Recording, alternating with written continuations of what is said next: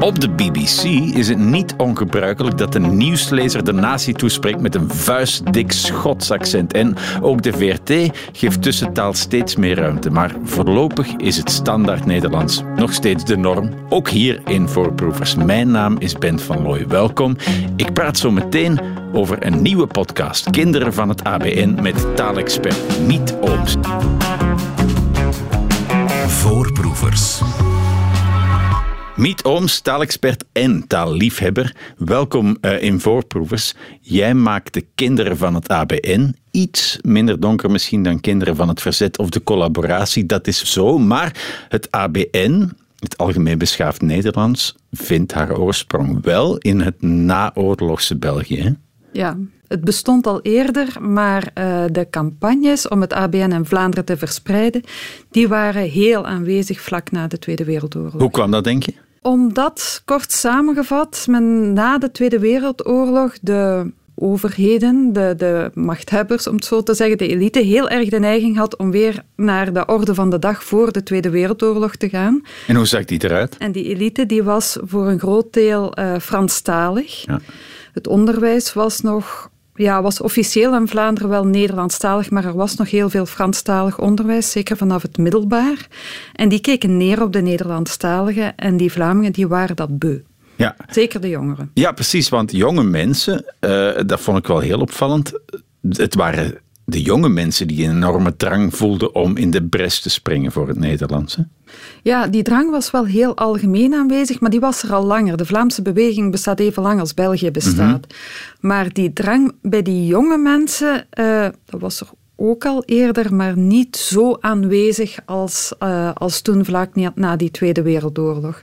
Toen waren er echt veel 16, 17, 18-jarigen die die campagne voerden voor het ABN op school. Ja, want het Frans, dat wordt heel mooi verteld door, denk ik, Geert van Istendaal in de podcast. Dat sprak je alleen met beesten en knechten. Ja, dat was een citaat dat hij had gekregen van een Franstalige Gentse advocaat, denk ik. Ja, ja, ja. ja. Oh, dat zegt veel, hè? Ja, ja, ja. ja, ja. En, dat er ook echt een, een, een waardeoordeel aan een taal uh, werd verbonden. Want Frans is, is hoogstaand en, en Nederlands is minderwaardig. volk. Ja, Zoiets. ja daar, kwam het, daar kwam het echt op neer. Maar ook vrij veel Vlamingen dachten er ook zo over. Hoor. Die, het Frans werd heel algemeen als een hoogstaande cultuurtaal ervaren. Dat stond toen eigenlijk niet ter discussie. Maar het was het feit dat er zo neergekeken wordt op het Nederlands. Dat mhm. was het probleem. Mhm. Dus, oké, we hebben jonge mensen, 17, 18 jaar oud, die starten ABN-kernen. Ja. Wat is dat? ABN-kernen waren groepjes leerlingen op middelbare scholen die elkaar aanspoorden om ABN te spreken, altijd op de speelplaats in de klas, altijd binnen de school, en zoveel mogelijk klasgenoten aan te sporen om ook ABN te spreken. En dan organiseerden die acties, campagnes binnen de school. En die ABN-kernen was zo een beetje een losvaste beweging. Die werden wel centraal gecoördineerd vanuit een algemeen secretariaat dat door studenten werd bevolkt. En dat algemeen secretariaat verspreidde een tijdschrift, Bouw. En uh, gaf, zorgde voor materiaal om uh, elke, elk jaar een ABN-week te organiseren. Ja, je hebt die tijdschriften wellicht ook ja. doorgenomen. Wat, wat, wat, stond daar zo in? Oh, daar stond van alles in. Daar stonden verhaaltjes in, daar stonden taaltips in, onder de titel Ban de kemels uit je taal. Mm En later kregen ze te horen dat kemels dat dat fout was. Ja. En toen maakten ze ervan ban de bokken uit je taal. Uh, informatie over de ABN Week, wat daar allemaal kon gebeuren, wedstrijden, prijsvragen. Ja. Uh, ja, het was heel erg gebaseerd op tijdschriften van de jeugdbewegingen, van KSA bijvoorbeeld. Ja, als, als ik aan de jeugdbeweging denk, de scouts, en, en dat heeft toch een zekere militaire structuur. En dat was voor die ABN-kernen eigenlijk niet anders. Hè? Ja, het was, het was heel sterk uh, geïnspireerd op de KSA. Met uh, ja, een soort rangordes, met, met satellieten die werden uitgestuurd. Met... Ja, je had het algemeen secretariaat en dan had je provinciaal secretariaten. En die hadden dan de contact met de ABN-kernen in de verschillende scholen. Ja, ja, ja. Het Nederlands van die ABN-kernen, hoe moest dat zijn? In het begin was het, het moet beschaafd ja, laten we het over het begin hebben. Ja, eh, de eerste ABN-kern is opgericht in 1950. Mhm. Die oprichter Jan Lehambre heeft in 1951 een brief naar de Standaard gestuurd over zijn ABN-kern. En toen zijn er in verschillende scholen uh, ABN-kernen ontstaan. En het idee was, het moet beschaafd zijn, maar echt gedefinieerd was dat niet. Oh, de, ze baseerden Want dat was belangrijk om inderdaad dat, dat, dat beschaafde, dat ging in, in, in eerste instantie misschien inderdaad over zelfwaarde, maar ook dat iemand van Limburg en iemand van West-Vlaanderen elkaar kon verstaan. Precies. Niemand heeft het ooit echt expliciet gezet, maar ik ga ervan uit dat ze zich baseerden op het Nederlands van toneel omdat toneel ook heel erg leefde toen, ook op school. En dat was in het algemeen Nederlands. Mhm. Eh, op de radio bestond toen. Televisie bestond toen nog niet, maar radio wel. En er waren grammofoonplaten met uitspraak. De Nederlandse consonanten. De H goed aanblazen. Zoals in huis en haven, luister dus ook naar de S van is in dat is alles. De G van lachen, in lach dan maar woensdag gaan we naar de landdag van Oostenrijk. Dat is uh, professor Blankaert van de Universiteit van Gent.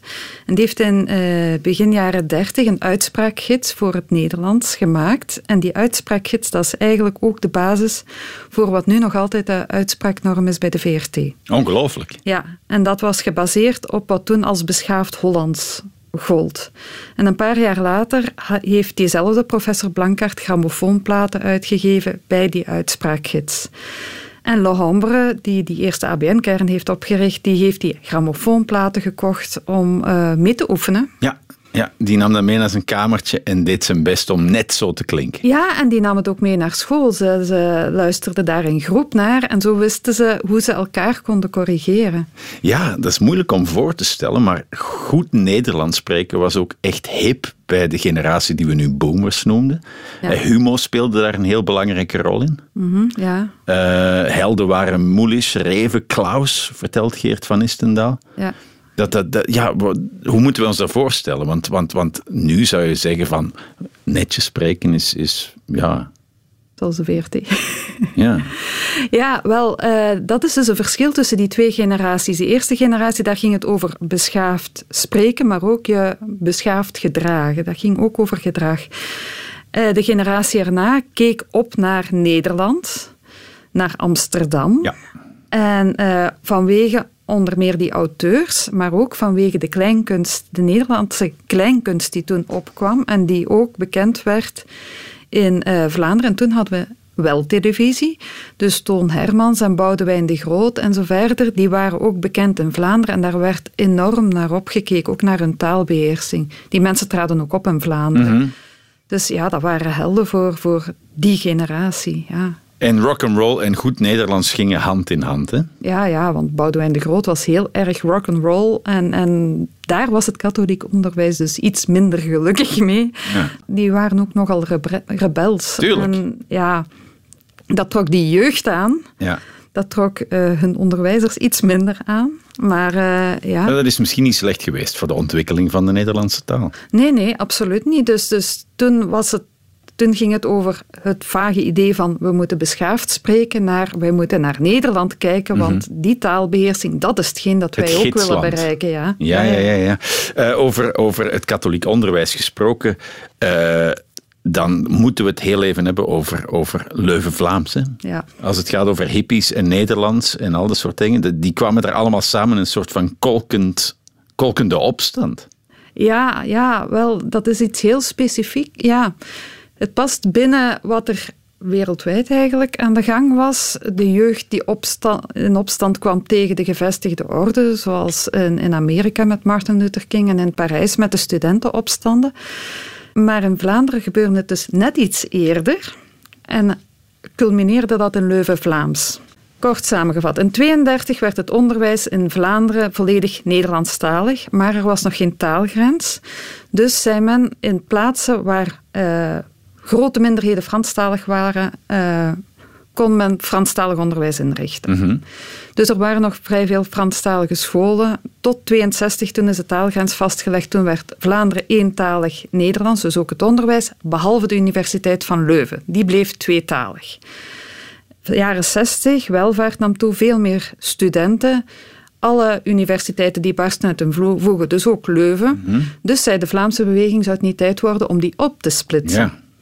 En de bisschoppen die toen de leiding hadden over de universiteit, die zeiden nee, we gaan de Franstalige afdeling uitbreiden.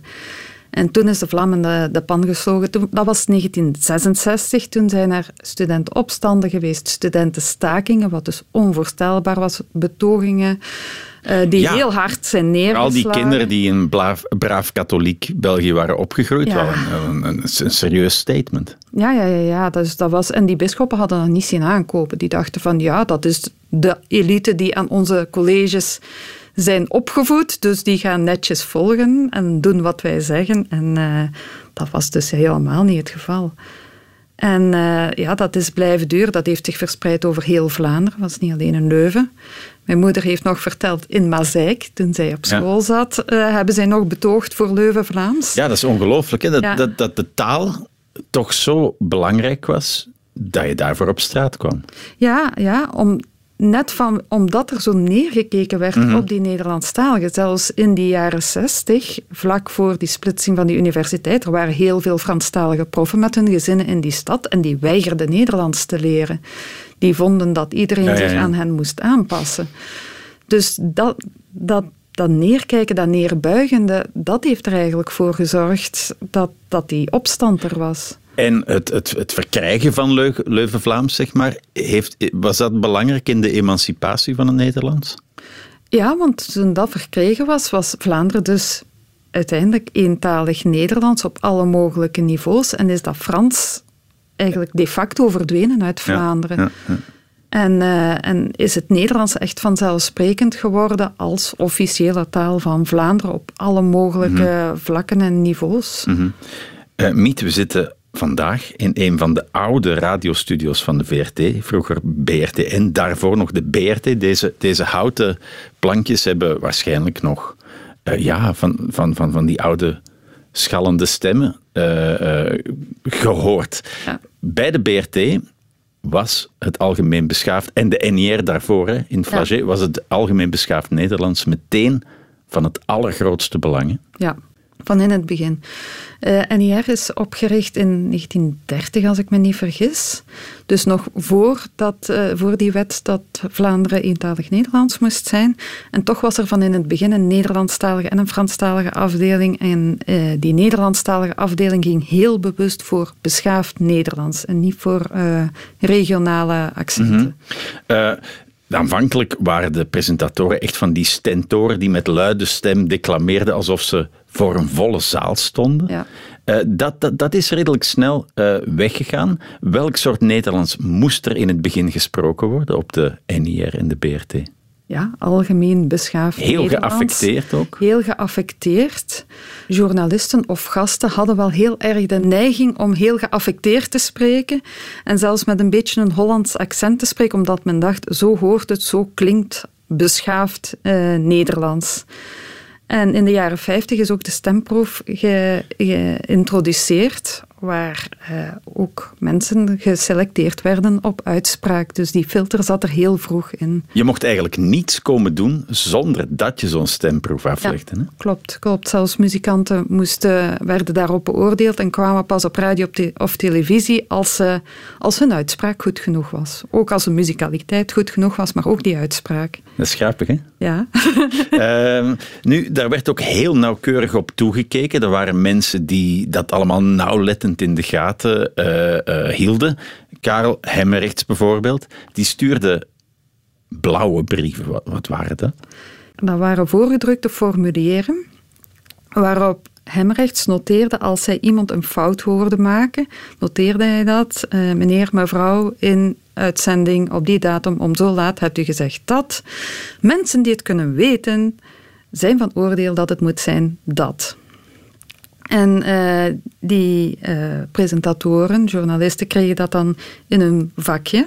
En dus iedereen, iedereen kon, dat, kon zien. dat zien. Ah, ja, ja, ja. En ze werden verondersteld dat te noteren en te laten weten dat ze het genoteerd hadden. En dat kon wel eens hard aankomen, hè, die kritiek. Ja, eh, ik heb twee mensen daarover geïnterviewd, Cas Goossens en Emmy Kassiman. Cas Goossens was toen journalist en, en heeft zijn opleiding eigenlijk bij Karel Hemrechts gehad, dus hij kende die goed.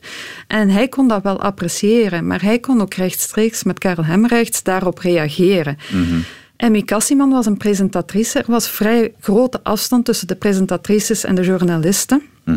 En zij vond dat heel persoonlijk en vond, dat dan, ja, vond het niet aangenaam dat dat zo onpersoonlijk was. Ja, het was redelijk hard. Eh, Cas zegt, zegt inderdaad van, je onthield het wel. Ja, ja, en dat heb ik ook meer mensen horen zeggen hoor. Van, van, Die fout maak je niet nog eens. Nee, nee dus, dus het, het was vrij hard. Het was, niet iedereen vond het even aangenaam of was het er zelfs mee eens.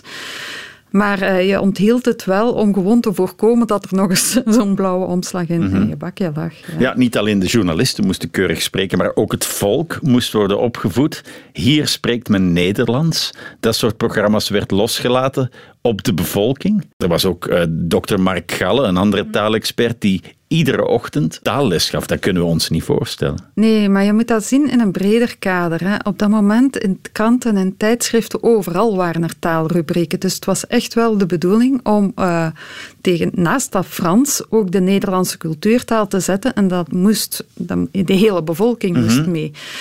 En eh, die programma's die dienden dus om de mensen te laten zien hoe het hoorde. En de mensen apprecieerden dat ook. Die, die waren ook wel mee in het idee van wij moeten ons verbeteren, wij moeten cultureel hoogstaander zijn. Dus die, die waren ook wel vragende partij. Ja. Je kunt je dat nu moeilijk voorstellen dat we zo betuttelende en belerende programma's op ons afkrijgen en dat mensen dat aanvaarden. Maar, Maar die programma's waren dat. heel populair. Hè? Die waren heel populair. Zeker hier spreekt men Nederlands. Het ging zelfs zo ver dat mensen naar Joost Florquin, de, de, de prof van Hier spreekt men Nederlands, dat ze die thuis opbelden met taalvragen. En, en ja, wekelijks kwamen er stapels brieven binnen bij de VRT, BRT toen, Ja, ja, ja. Met, eh, met vragen, met reacties op dat programma. Geertje weet blijkbaar ook al dat in open lettergrepen de klinkers ongedekt worden uitgesproken. Daarom zegt ze professor en niet professor. Professor.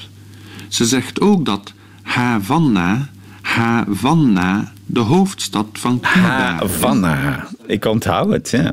Dat is heel Ja. netjes, hè? Dit was eh, Mark Galle. Dus hier spreekt men Nederlands, was nog vrij eh, Ja, ja, ja, ludiek, humoristisch, grappig, hadden de mensen ook heel graag. Maar dit krijgen mensen voor het Maar nieuws eh, te Galle verstouwen. was, hè? was radio vlak voor het nieuws en dat was echt wel heel belerend en heel betuttelend. Ja. Nu, we horen wel, ho- hoewel je zegt van dit is geba- gebaseerd op het Noord-Nederlands, horen we toch echt wel een Vlaams-Nederlands. Ja, de, de echte Noord-Nederlandse uitspraak, dat, zover wilde men eigenlijk niet, niet gaan. Sommige mensen hadden wel een beetje Mhm. de neiging om, om een harde G uit te spreken en, en een klein beetje naar E en O te gaan.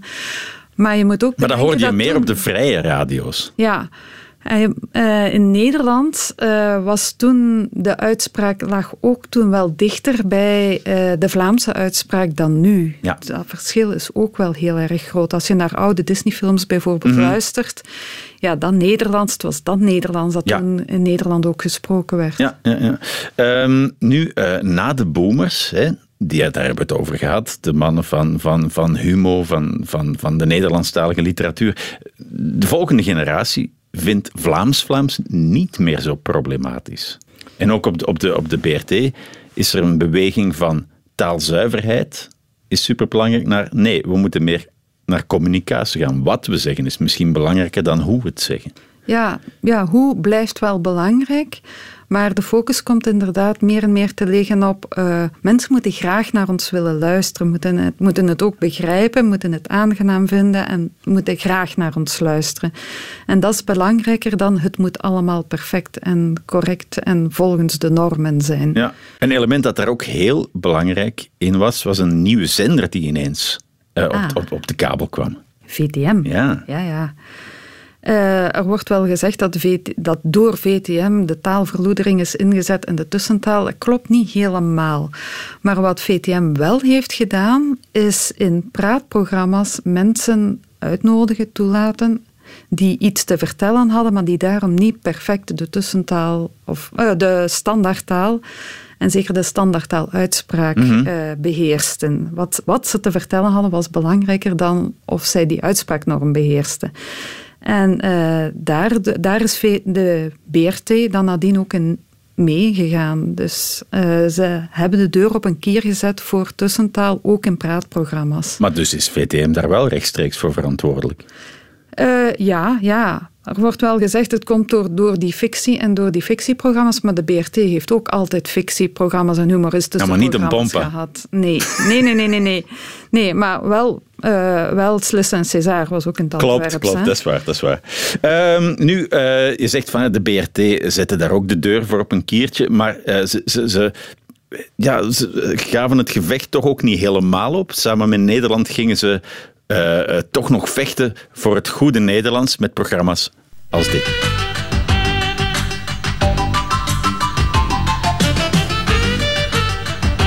Dit is Team voor Taal, de spannende spraakmakende taalstrijd tussen Vlaanderen en Nederland. Hier is uw quizmeester Robert Long. Wat mij daar opviel was uh, de getuigenissen die daarover in je podcast zijn, is dat de Vlaamse collega's aanvankelijk enorm opkeken ja, naar hun ja. Nederlandse uh, wederhelften. Ja, ja, ja. Dus, dus dat waren ja, mensen van boomergeneratie of net daarna. En die keken op naar Nederland, zeker de journalisten. Daar vertelt Ludo Permentier over. Uh, maar ze hadden ook wel zo het gevoel van, we gaan ons hier niet laten doen. Hè? We gaan laten zien dat wij ook, dat ons Nederlands ook behoorlijk is. Mm -hmm. Eigenlijk hetzelfde als tegenover de Franstaligen. We gaan hen geen reden geven om op ons neer te kijken. Die houding. Ja, en wat bleek, zowel in Team voor Taal als in het groot uh, dicté der Nederlandse taal, zijn het meestal de de Vlamingen. Exact. Ja, de Vlamingen die het, die het wonnen of die op zijn minst lieten zien dat zij minstens even goed en heel vaak beter waren dan de Nederlanders. Is dat omdat wij daar bewuster mee bezig zijn? Want je zegt ook in de podcast, het Nederlands is nooit van bovenaf gestuurd, de evolutie van het Nederlands en de regels. Dat is altijd vanuit het spreken gekomen, terwijl bij ons He, met, met, mm -hmm. met die taallessen op de radio, op de televisie, die, die, die, die, die ABN-kernen, was dat toch heel erg georchestreerd vanuit een soort van uh, hogere macht, zou je kunnen zeggen? Ja, wij hebben onze standaardtaal geïmporteerd. Mm -hmm. Normaal gezien ontstaat een standaardtaal uh, door een, een dominant dialect te kiezen en daar dat te gaan coderen. Dat, ja, ja, ja. Is, dat is eigenlijk de normale gang van zaken. Maar wat bij ons is gebeurd, is dat wij al een gecodeerde gecodeerde basisdialect, eigenlijk het beschaafde Hollands, mm -hmm. Geïmporteerd Juist, hebben. Ja, ja, ja. En dat is veel moeilijker om dat bij een bevolking ingang te doen vinden. Dat heeft heel even geduurd hè, voor, voor, voor dat Noord-Nederlands uh, uh, weg was. Ook uit de Vandalen, dat vond ik heel interessant. Dat vroeger de Vandalen uh, ervan uitging dat Nederlands Noord-Nederlands was. Als je ja. de nationale feestdag opzocht, stond daar alleen Koninginnedag in. Ja. En niet klopt. 21 juli of 11 juli of wat dan ook. Ja, dat is uh, begin 2000, rond 2005, 2000, daarom, daaromtrent is dat begonnen om uh, echt bewust, of zelfs eerder, om echt bewust uh, regiolabels toe te passen. Belgisch-Nederlands eerst. Mm -hmm om wel aan te geven van dit is ook oké okay, Nederlands, het wordt alleen in België gebruikt. En dan nadien zich realiseren van ja, maar er is ook woordenschat die alleen in Nederland wordt ja. gebruikt. En die moet ook een regiolabel krijgen. Ja. En, um, en ondertussen is het zo dat mensen in Nederland naar mensen als Martien Tangen keken van hoe moet je het eigenlijk uitspreken? Ja, ja, ja hoe moet je het uitkijken? Of wat is er mooi Nederlands? Ze, ze, werd niet als, als, als uitspraaknorm gehanteerd, dat doen Nederlanders niet. Maar ze, keken, ze respecteerden het wel en ze vonden de uitspraak van Vlamingen, als Mart, zeker als Martien Tangen, veel mooier, veel duidelijker dan uh, de mm -hmm. eigen nieuwslezers. Daar kwam het wel op neer, ja. Waar zie je het Nederlands naartoe gaan de komende jaren? Uh, in ons wel, land, hè? Ik ben, ik ben heel benieuwd, maar ik heb de indruk dat, het, uh, dat er veel invloed van, van andere talen komt. Die is, er, die is er altijd geweest, maar dat we het ook, ook beter accepteren dat die invloed er is. En dat een taal mag leven. Een taal mag zeker Ja, leven. ja, ja. Een taal leeft, een taal evolueert. Daar valt niks aan tegen te houden. Anders dan, dan spraken wij nu wel zoals de Nederlanders. Mhm. Hoe, je kunt het proberen te sturen. Tot op zekere hoogte lukt, het al, lukt dat ook wel. Anders spraken we nu geen algemeen Nederlands. Mhm. Maar de mensen moeten bereid zijn om dat te doen. Mhm. En uh, het komt toch altijd van onderop. Dus, dus kijken naar wat de jeugd nu spreekt. Eh, en met de jeugd bedoel ik eigenlijk mensen ouder dan twintig, niet Ja. jonger. Die hebben hun eigen jongerentaal, maar kijk wat die mensen, die, die jongvolwassenen doen. Hoe zij spreken en hoe zij naar taal kijken. En dat is denk ik de toekomst van het Nederlands. Ja. Oké, een taal leeft dus zelfs een algemeen beschaafde taal. Miet Ooms, enorm bedankt voor dit gesprek. Met veel plezier. Wie alle voorproevers wil bingen, kan daarvoor terecht op VRT Max.